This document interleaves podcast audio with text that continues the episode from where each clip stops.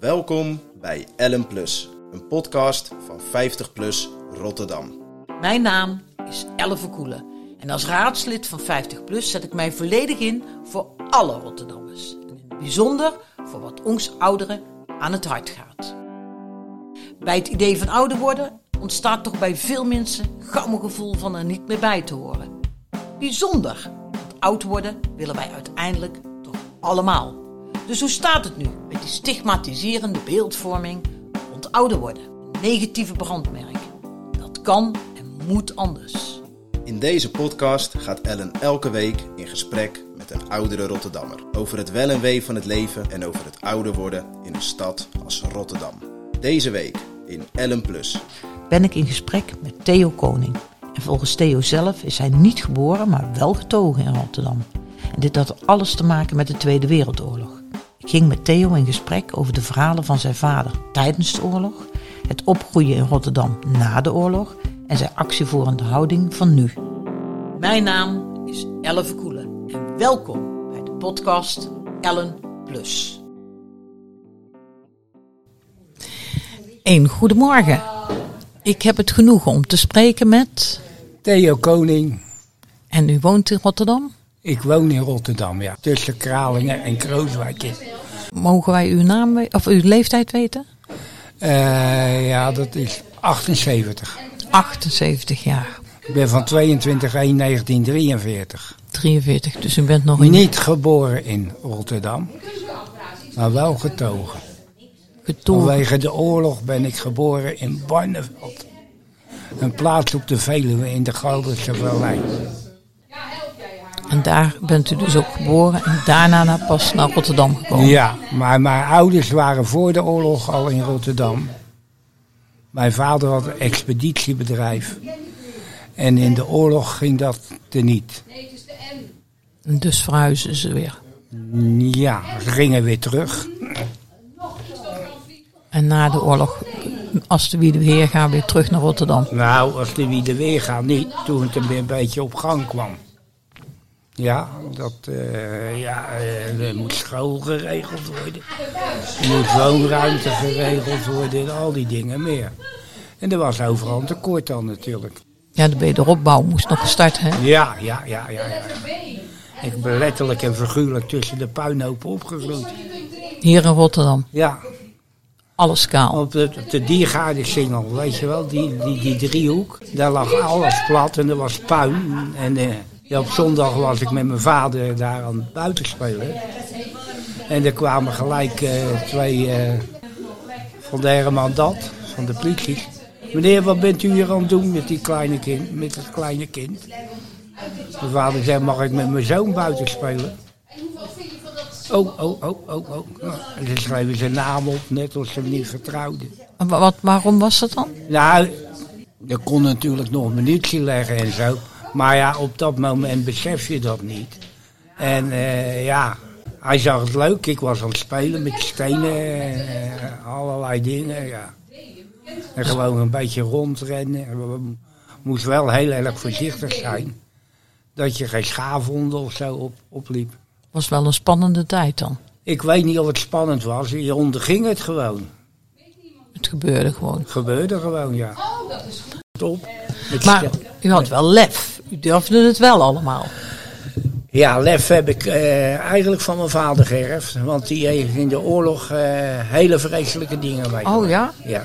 Eerst moest hij vanuit Rotterdam mensen rijden. Ik wil de naam niet zeggen. Mensen.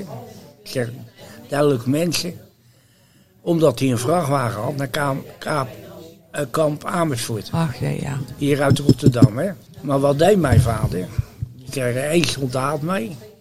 En twintig man achterin. Met me later verteld door goede kennis. Ja. En mijn vader die komt in de buurt van Utrecht. En die zegt tegen die soldaat, ja je moet de hei over. Die wagen is nooit verder gekomen. En mijn vader zegt, ik hoor wat. En ik moet even plassen. Hij zegt, dus die ging even plassen, weet je. En die soldaat die bleef achter hem staan terwijl ik zo... Hij zegt, even, even kijken naar de benzine, of nog genoeg benzine hebben, weet je wel. En dan doet die tank open en dan gooit hij suikerklontjes in. Mijn vader, Mijn vader die was heel bekwaam in het repareren van auto's ook. Want die had pl- diploma's voor garagechef en alles. En die wagen stopte na een bepaalde tijd. En die doet de motorkap open en die soldaat die... rijden, rijden, rijden, rijden maar. Hij doet het niet meer. Hij doet het niet meer. En hij steekt zo kop onder die motorkap. Pst. Guillotine-beweging. Zijn geweer gepakt, meegenomen. Die mensen eruit gejaagd. en gaan lopen naar Barneveld. Waanzinnig. Ja. En geen represaille gehad? Mm, Nee, niet op dat ogenblik. En uw vader praatte daar niet zelf over? Nee, nee, nee. nee. Ik, ik heb dat allemaal gehoord van omstanders. Mijn vader die was, ja, wat dat betreft een gesloten boek. Omdat hij in, in, in de oorlog zelf ook twee broers is verloren bij de razzia in Putten. En een Ja. derde is ontvlucht onder de rokken van een boerin. Ja, dus dat zijn wel tijden. Ja. Nou, na eh, ja, zeg maar een jaar of drie, vier werd mijn vader toch opgepakt. In Barneveld. En toen werd hij gelijk naar Bugewald gestuurd. Waar dat is, weet ik nou nog niet hoor. Maar dat was toch voor politieke delinquenten. Zeg. Na een aantal eh, dagen werd hij geroepen van... Jij, jij, jij, jij. Kennen jullie leien leggen? Hij zegt, ik kan gelijk schrijven laten staan dat ik leien kan leggen. Wat zagen ze hier? Hij zegt zes plankjes, weet je wel. ja, maar je moet geen plankjes zagen, je moet leien gaan leggen. Dus hij werd gedropt in, in zo'n vrachtwagen, weet je wel. En dan werd ergens in, in ja, tegen Frankrijk aan, in, in, een- bij een groot la- landhuis gedropt. En daar waren ze volop. Een soort bunkerhuis waren ze daar aan het bouwen. En de tweede keer dat hij komt, had mijn vader een plan uitgewerkt. En toen gingen ze alle drie de kofferbak in.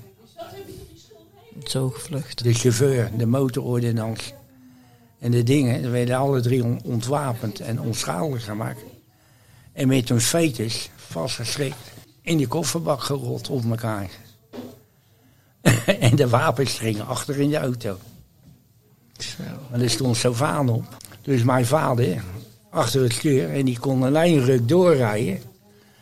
Tot ze bij de geallieerden kwamen. En die begonnen wel om op te schieten. Ja, Duitse vrachtauto. een Duitse vaan. die doorrijdt. En mijn vader zet die wagen stil. En die gaat zo.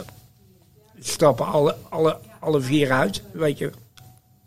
Met zo de armen in de nek. Uh, stijgen, weet je wel, tegen, tegen mijn vader. Hij zegt, eh, kan je niet gewoon leeg tegen Engels tegen me lullen of Nederlands? hij, hij, hij, wist dus niet onder goed wat ze bedoelen. Ik zeg, hij zegt, je mag me boeien, maar kijk eerst even in de kofferbak, want daar heb ik jullie vissen leggen. Vissen? Ja, kijk maar. Maar hou je geweer bij de hand. En toen ze zagen dat liggen, toen schrok die soldaten die dat deden, twee, ja, die schrokken er eigenlijk de, nou, een besmettelijke ziekte. En toen hoorde hij er eentje in het Nederlands tegen elkaar praten, twee. Hij zegt, nou, ik versta heel goed Nederlands. Ik ben die en die en dat en dat. Oh, oh, oh, oh. Toen was hij gered. Ja, meer dan gered. Eh, na een dag of vier, toen kwam er iemand naar hem toe en die zegt van... eh, wij willen u wat vragen. Iemand wil u wat vragen. Er kwam er een of andere generaal want mijn vader wist mijn god niet wie het was. En die stelde eigen voor als prins Barnet. Kijk, toen was Hij zegt, mooi. hij zegt, wilt u mijn chauffeur in die wagen worden? Hij zegt, wil je ermee doodrijden? Hij zegt, met die wagen rij ik nooit met die. En, en wat is uw vak? Ja, ik was eh, jongste bediende op het kantoor is bij Kroon, want ik mocht nog niet in de praktijk werken, want ik was nog onder de 18. En ik had al mijn diploma's niet, eigenlijk mijn vakdiploma's. Eh, die heb ik wel allemaal gehaald, ja. En daar heb ik in de, dat noemde men toen de lichtdrukkerij en de postkamer. Dus ik moest het hele kantoor, om alle post op te halen, zorgen dat het geadresseerd werd. En dan mocht ik het vaak in mijn eentje naar het postkantoor op de, eh, hoe heet die dijk ook alweer? Eh, tegenover Vergenteloos zat toen een postkantoor. Ja. En daar mocht ik het heen brengen. En zo groeide u in het bedrijf. Ik ben in het bedrijf ingegroeid en ik heb het hele bedrijf van onderen tot boven beleefd. Later belandde ik op de tekenkamer. Toen mocht ik daar bepaalde handelingen verrichten en tekeningen archiveren en opbergen. En ja, schijnbaar heeft men een blind vertrouwen in mij gehad. Waarom, weet ik niet. Een, een harde werker misschien. Nou ja, nauwkeurig ook, hè. Zeer zorgvuldig alles. Zorgvuldig, ja. Maar mijn handicap was schrijven. Ja? Want dat had ik op de lagere school niet goed geleerd. Maar het verwoorden, dat ging me uitstekend. En meestal moest je dus vaste teksten en daar kon je gewoon overschrijven. Dus en hoeveel jaar heeft u bij eh, eh, gewerkt bij Kroon? Ik heb er, eh, wacht even. Ja, z- 46, nee, 46, ja, 46 jaar. 46 jaar. Dat is toch wel een heel lang leven. Ja, een hele lange tijd, ja. ja. Op, toen ik bij, eenmaal bij Kroon werkte, elektrotechniek, toen ben ik echt van alles tegengekomen. En dat was allemaal hier in de Rotterdamse haven. Ja, in de haven en, en, en in Kinderdijk en eh, eh, hoe, eh, hoe heet dat daar, bij Sliedrecht. Was wel een van onze belangrijkste Ja, economische... dat was toen de, de grootste industrie die men had. En was dat voor de oorlog ook al? Dat weet ik eigenlijk niet. Nou, minder, ja, voor de oorlog had je wel scheepsbouwwerven. Maar dat was, dat was meer, eh, ja, hoe moet ik het zeggen? Houten schepen bouwen, zeilschepen, later stoomschepen. Maar dat gebeurde hier eh, in, in, net buiten de Oostpoort. Daar je op de ene kant van de, van de rivier had je daar de, de Rijkswerf. Dat was voor de marine. Aan de andere kant had je de VOC-werf. Dat- Volgens mij ligt er nog steeds een stukje eh, geschiedeniswerf, toch? Ja, dit legt er nog, ja. Ligt er nog? Ja. Ja, dat, eh, eh, bestaat nog. dus het, we, we gingen allemaal in de wederopbouw en het veranderde. En, Ja, en- en puinruim, hè. Dat, dat de eerste uh, Kralingse bos is voor een deel zo ontstaan. Al het puin dat werd daar in die plassen gedumpt. Er waren zeven hele grote plassen. En eh, de Goudse Singel, dat was, eh, was toen nog een singel met een dijkje aan de ene kant. En aan de andere kant was het bebouwd. En de rest was eigenlijk eh, polder. dat was de grens van Rotterdam. Ja, ja, ja, aan deze kant. Aan deze kant hier. Aan de andere kant was het, zeg maar, de Westersingel. Of nog daarvoor eigenlijk. En, en hoe ging dat met dat puinruimen? De- Deed de, de hele bevolking daar mee? Of was dat gewoon... Ja, er was niks anders te doen in het begin. Maar dat heb ik allemaal niet zo bewust meegemaakt hoor. Nee, want u was toen nog klein natuurlijk. Ja, natuurlijk. Maar uw ouders wel. Ja, mijn ouders wij- weten er, ja, eh, voor zover ver ze het wouden weten, eh, hebben ze dat eh, gezien natuurlijk. Wilden ze het niet altijd weten? Nee, dat denk ik van niet. En waarom niet? Ja, wat je allemaal meegemaakt hebt. Wat allemaal naar de klote geholpen is. Tijdens de oorlog. Ja, ja, Daar hadden uw ouders wel last van. ja, last. Je moest gewoon verder. Je moest voor je kinderen zorgen en voor je eigen bestaan natuurlijk. Want uw, uw vader zat niet in de scheepvaart. eh, Nee, nee, nee, nee, nee, nee. Die zat in de transport. Die was vanuit Barneveld begonnen, een bodedienst. Op Rotterdam, ja. En terug, omdat je geen... Op de Veluwe had je geen vaarwegen. Nee, klopt. Ja, en in de rest van Nederland wel. Maar goed, u zat wel, eh, was heel nauw betrokken bij de scheepvaart. U heeft dus de... Ja, de- ik heb, ik heb in de scheepbouw eh, van alles meegemaakt. Van onderzeeën tot hoppenzuigen, zeeslepen. kerkboten van de KNSM. Kan niet slechter mee. U heeft de groei gezien van de Ik hele... heb, eh, ja, ik heb de ontwikkeling meegemaakt. Maar heeft u ook weer de teloorgang meegemaakt? Dat het weer allemaal minder werd? Ook. Maar in een hele andere, hele andere functionaliteit. Ik was wel elektromonteur. Maar eh ja, het stoorde me niks, want ik ging extra. Maar ik ben overgestapt naar de petrochemie. En daar heb ik ook weer verschillende disciplines van geleerd. Want de petrochemie was ook een hele grote, belangrijke ja, sector. dat was. eh, toen besefte men dat nog niet, maar. eh, en de kolen en de ertsoverslag. Dat nam toen zo ontzettende vlucht. Dat niemand dat heeft kunnen voorzien. wat er eigenlijk gebeurde. En daar hebben we als Rotterdam flink van geprofiteerd, toch? Eh, ik weet niet of het geprofiteerd is. In ieder geval hebben we daar een hoop middelen van bestaan on- ontwikkeld. Ja? En het, het mooie is eigenlijk dat het nog zo is. Nu, waar we, we zijn een leuk gesprek aan het aangaan, maar u heeft eh, naast uw werk ook een hele bijzondere, eh, nou ja, toch wel eh, toonaangevende hobby gehad in Rotterdam. Ja, Vertelt u dat eens. is de sociale ontwikkeling van de wijken. De sociale ontwikkeling van de wijken, legt u eens toe. Toen ik al lang werkte natuurlijk. En ik zat in de ondernemingsraad van onze zaak. En op een gegeven moment kwam ik in aanraking met eh, dingen die niet lekker gingen in de straat. Toen hebben we met een eh, aantal Rotterdammers eh, twee actiegroepen gesticht. Middelland en het Nieuwe Westen. Met een zeer sterke omschrijving van het gebied waar we in opereerden. En daarbij systematisch problemen aanpakten. Er was een enorme, ja, hoe dan ook, leegstand of eh, ja, eh, onwerkelijk gebruik van huizen. Of onheuse praktijken. Net als nu? Ja. Ja. Maar toen waren het meer huisbaasjes apart of grote concerns. Die dus de sociale vooruitgang tegenhouden. De leegstand, eh, ja, een van mijn eerste acties in de actiegroep was. Jongens, we gaan eh, huizen kraken. En we praten over de jaren tachtig, hè? Ja.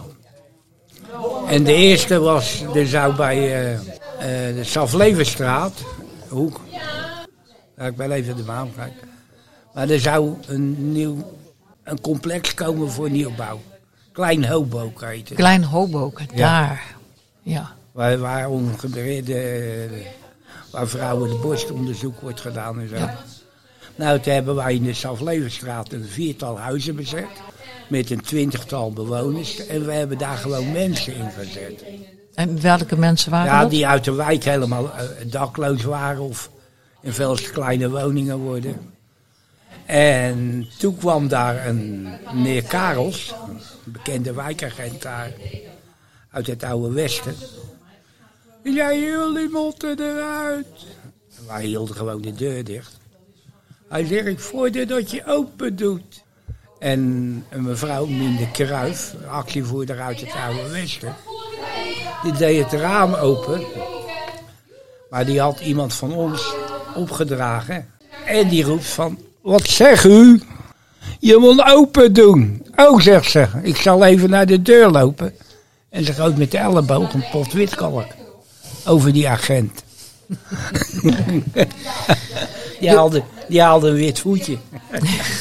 Maar dat, jullie waren de voorloper van de krakersbeweging, of niet? Ja, ja, ja, ja, ja, ja, ja. ja. En jullie kwamen daartegen in Ja, protest en eh, oude Westen natuurlijk, dat, dat is de grondslag van, het, eh, van de rest van van, Rotterdam. van de rest van Rotterdam natuurlijk. Ja. Ja, dat klopt. En dat is te vergelijken met nu, denk ik. Niet? Je hebt nu totaal geen, geen samenhang meer in de wijken, of veel minder, om dus die dingen zo aan te pakken. En dat komt deels door de politiek en deels door de mensen zelf. Want je moet heel sterk gemotiveerd zijn. Als je dus redelijk hebt, ja, in je bestaan. om dan nog wat voor anderen te doen. Maar de woningnood is hetzelfde. Alleen Ja. toen, toen waren er dus wel veel panden Ja. om te bezetten. Er, Ja. waren, er was veel Ja, woonruimte. dus er was gewoon veel leeg, leegstand. En dat hebben we nu niet. Of wel? Ja, ik weet het niet. Tegenwoordig is er een andere methode. Dan wordt het opgekocht. En dan onttrekt het zich aan het zicht. En dan zeggen ze, ja, eh, vraag vergunning aan voor kamerwoning. En dan een, eh, een driekamerwoning. Dan slapen er ineens zes in. En even later heet het studentenhuisvestiging. Daar hebben we heel veel last van nu, hè? Ja, ik heb er geen last van. Maar ik vind het onheus. Waarom? Nou, de studenten verdienen ook een gelijkwaardige plaats, ja. Maar niet tegen die woekerprijzen. En niet te hooi en te gras maar neerpleuren. Dus daarom, Ja. daarom, en dat is echt wel anders als Ja, vroeger. Hè? ja, dat hadden we niet. Toen was er echt woningnood voor Oh, gezinnen. Ja, ja, ja, ja. Maar er waren wel woningen toen en die hebben we nu niet. Nee. Dus dat, daar moeten we wel iets aan doen. Terwijl dat er hier in de wijk, kan ik je zo twee locaties aanwijzen. Waar oude schoolgebouwen leeg staan. Die je prima zou, zou kunnen ombouwen. Tot allemaal woningen of studenten. Woningen. Dat deed u vroeger wel, hè? Want u had het over de jaren Ja, tachtig ja, dat ja, u ja, actie voerde. Maar voor het Middelland en het, het Nieuwe Westen, hebben jullie plannen gemaakt. Ja, ja, Bewoners zelf. ja. Dat was eigenlijk de start van de burgerparticipatie. ja, ja, ja. Ja, dat was de burgerparticipatie. De Maar vertrok ons nergens al wat van aan. Wat zou u nog kwijt willen aan ons? Nou, wat burgerparticipatie betreft ben ik hier in Middelland ook weer eh, in Kralingen-Krooswijk ook weer begonnen, negen jaar geleden. Ik zag tramhaltes die die niet uitzagen. En ik heb echt moeten vechten om dat voor elkaar te krijgen. Dat alle 44 haltes op een niveau kwamen. Daar heb ik een trucje voor gebruikt. Ik ben alles gaan fotograferen. Voor, achter, halteborden. Eh, de complexiteit eromheen. Die heb ik allemaal op een stikje gezet. Toen besliste ik over de vaardigheden om dat te doen. Met mijn computer toen. nou, ik vroeg aan de deelgemeente, willen jullie mij helpen? Ja, dat wouden ze wel, maar dit en dat en zus en zo. Nou, we gaan kijken wat je voor je kunnen doen. Ik zit nou nog te wachten. Ja, ja. Niks van gekomen. jullie hebben het zelf gedaan. Ik uiteindelijk. Heb, ik heb het eigenlijk helemaal zelf gedaan, ja. En dat, doet u, dat heeft u hier nu in eh Kralingen-Krooswijk ook weer met een groep mensen gedaan? Ja, ik werkte toen vanuit de seniorenraad. En een van de eerste subsidieaanvragen was een fototoestel met GPRS. Ze keken allemaal, het bestaat niet en we weten er niks van. Ik zei nou, neem nou die en die. Ja, ik ben achterlijke badje. Als ik wil. Ja, die senioren waren niet zo dom. Nee. en ik wist donders goed wat er bestond en waar het te koop was. En nu ben ik bezig met eh, in de wijk om deelfietsen te krijgen, maar dan voor mensen die een beetje ondersteuning nodig hebben. Dus dat je met z'n tweeën kunt gaan fietsen. Bij te huizen een aantal fietsen neerzetten. Dat, dat, je je eigen vrij kunt bewegen. In ieder geval een gezellig uurtje. Voor de mensen die Van- daar wonen. Die daar wonen, ja. Vanuit hier, vanuit Oost-Molenstein ook natuurlijk in mijn achterhoofd. Dat ik veel mensen zie die eigenlijk vereenzamen. En die soort dingen ondervinden. En dus denkt u, als ik ze mobiel maak, dan kunnen ze tenminste... De... Dan hebben ze iets plezier. Ja, En dat lukt? we proberen het gewoon. Ik denk dat het gewoon lukt. Is fietsen nog voor iedereen toegankelijk? Nee, je hebt dus een begeleider nodig. Ja. En dat is het grote punt. Daar moet je vrijwilligers voor En die hebben we niet genoeg? Eh, het is te weinig bekend en men verliest een stuk motivatie in, de, in deze huidige toestand. Zo hoorde ik van Pinel, ja, toen ik eh, een keer in gesprek zat met die mensen. Ja, we hebben er een, maar de accu die kost 800 gulden. En die staat nou al drie maanden ongebruikt. En dan ben je drie, da- drie, drie jaar je plichten niet uit nagekomen. Want als je er twee keer gebruik van hebt gemaakt, moet je zorgen dat het blijft handhaven. Ja. Ja, voortzetten. Sluit een contract af met een, met, met een grote fietsenfabrikant of wat dan ook. Zo hebben we via de buitenspeeltuinen ook gecreëerd. Beweegtuinen. Voor ouderen. Er zijn er ook vier van in de wijk. Maar die moeten onderhouden worden. Die moet onderhouden worden. Er moet eigenlijk begeleiding op. Door een vrijwilliger of een fysiotherapeut. In de S wordt dat heel goed opgepakt. Maar de andere drie, erbarmelijk. En vindt u dat daarin de politiek wat meer zou moeten doen? Ja, de politiek zou in kunnen grijpen en zeggen van nou verwijzen die voor dat bedrag voor een jaar toe. En daar een continue beweging van maken. Dan gaat er veel meer gebruik van wo- worden gemaakt. En je krijgt dus een bredere basis om andere dingen uit te bouwen. En dan gaan we de wijk weer beter gebruiken met z'n Nou, we gaan een leefbare omgeving creëren. Mooi einde aan een mooi verhaal. Dank u wel. Dank u wel.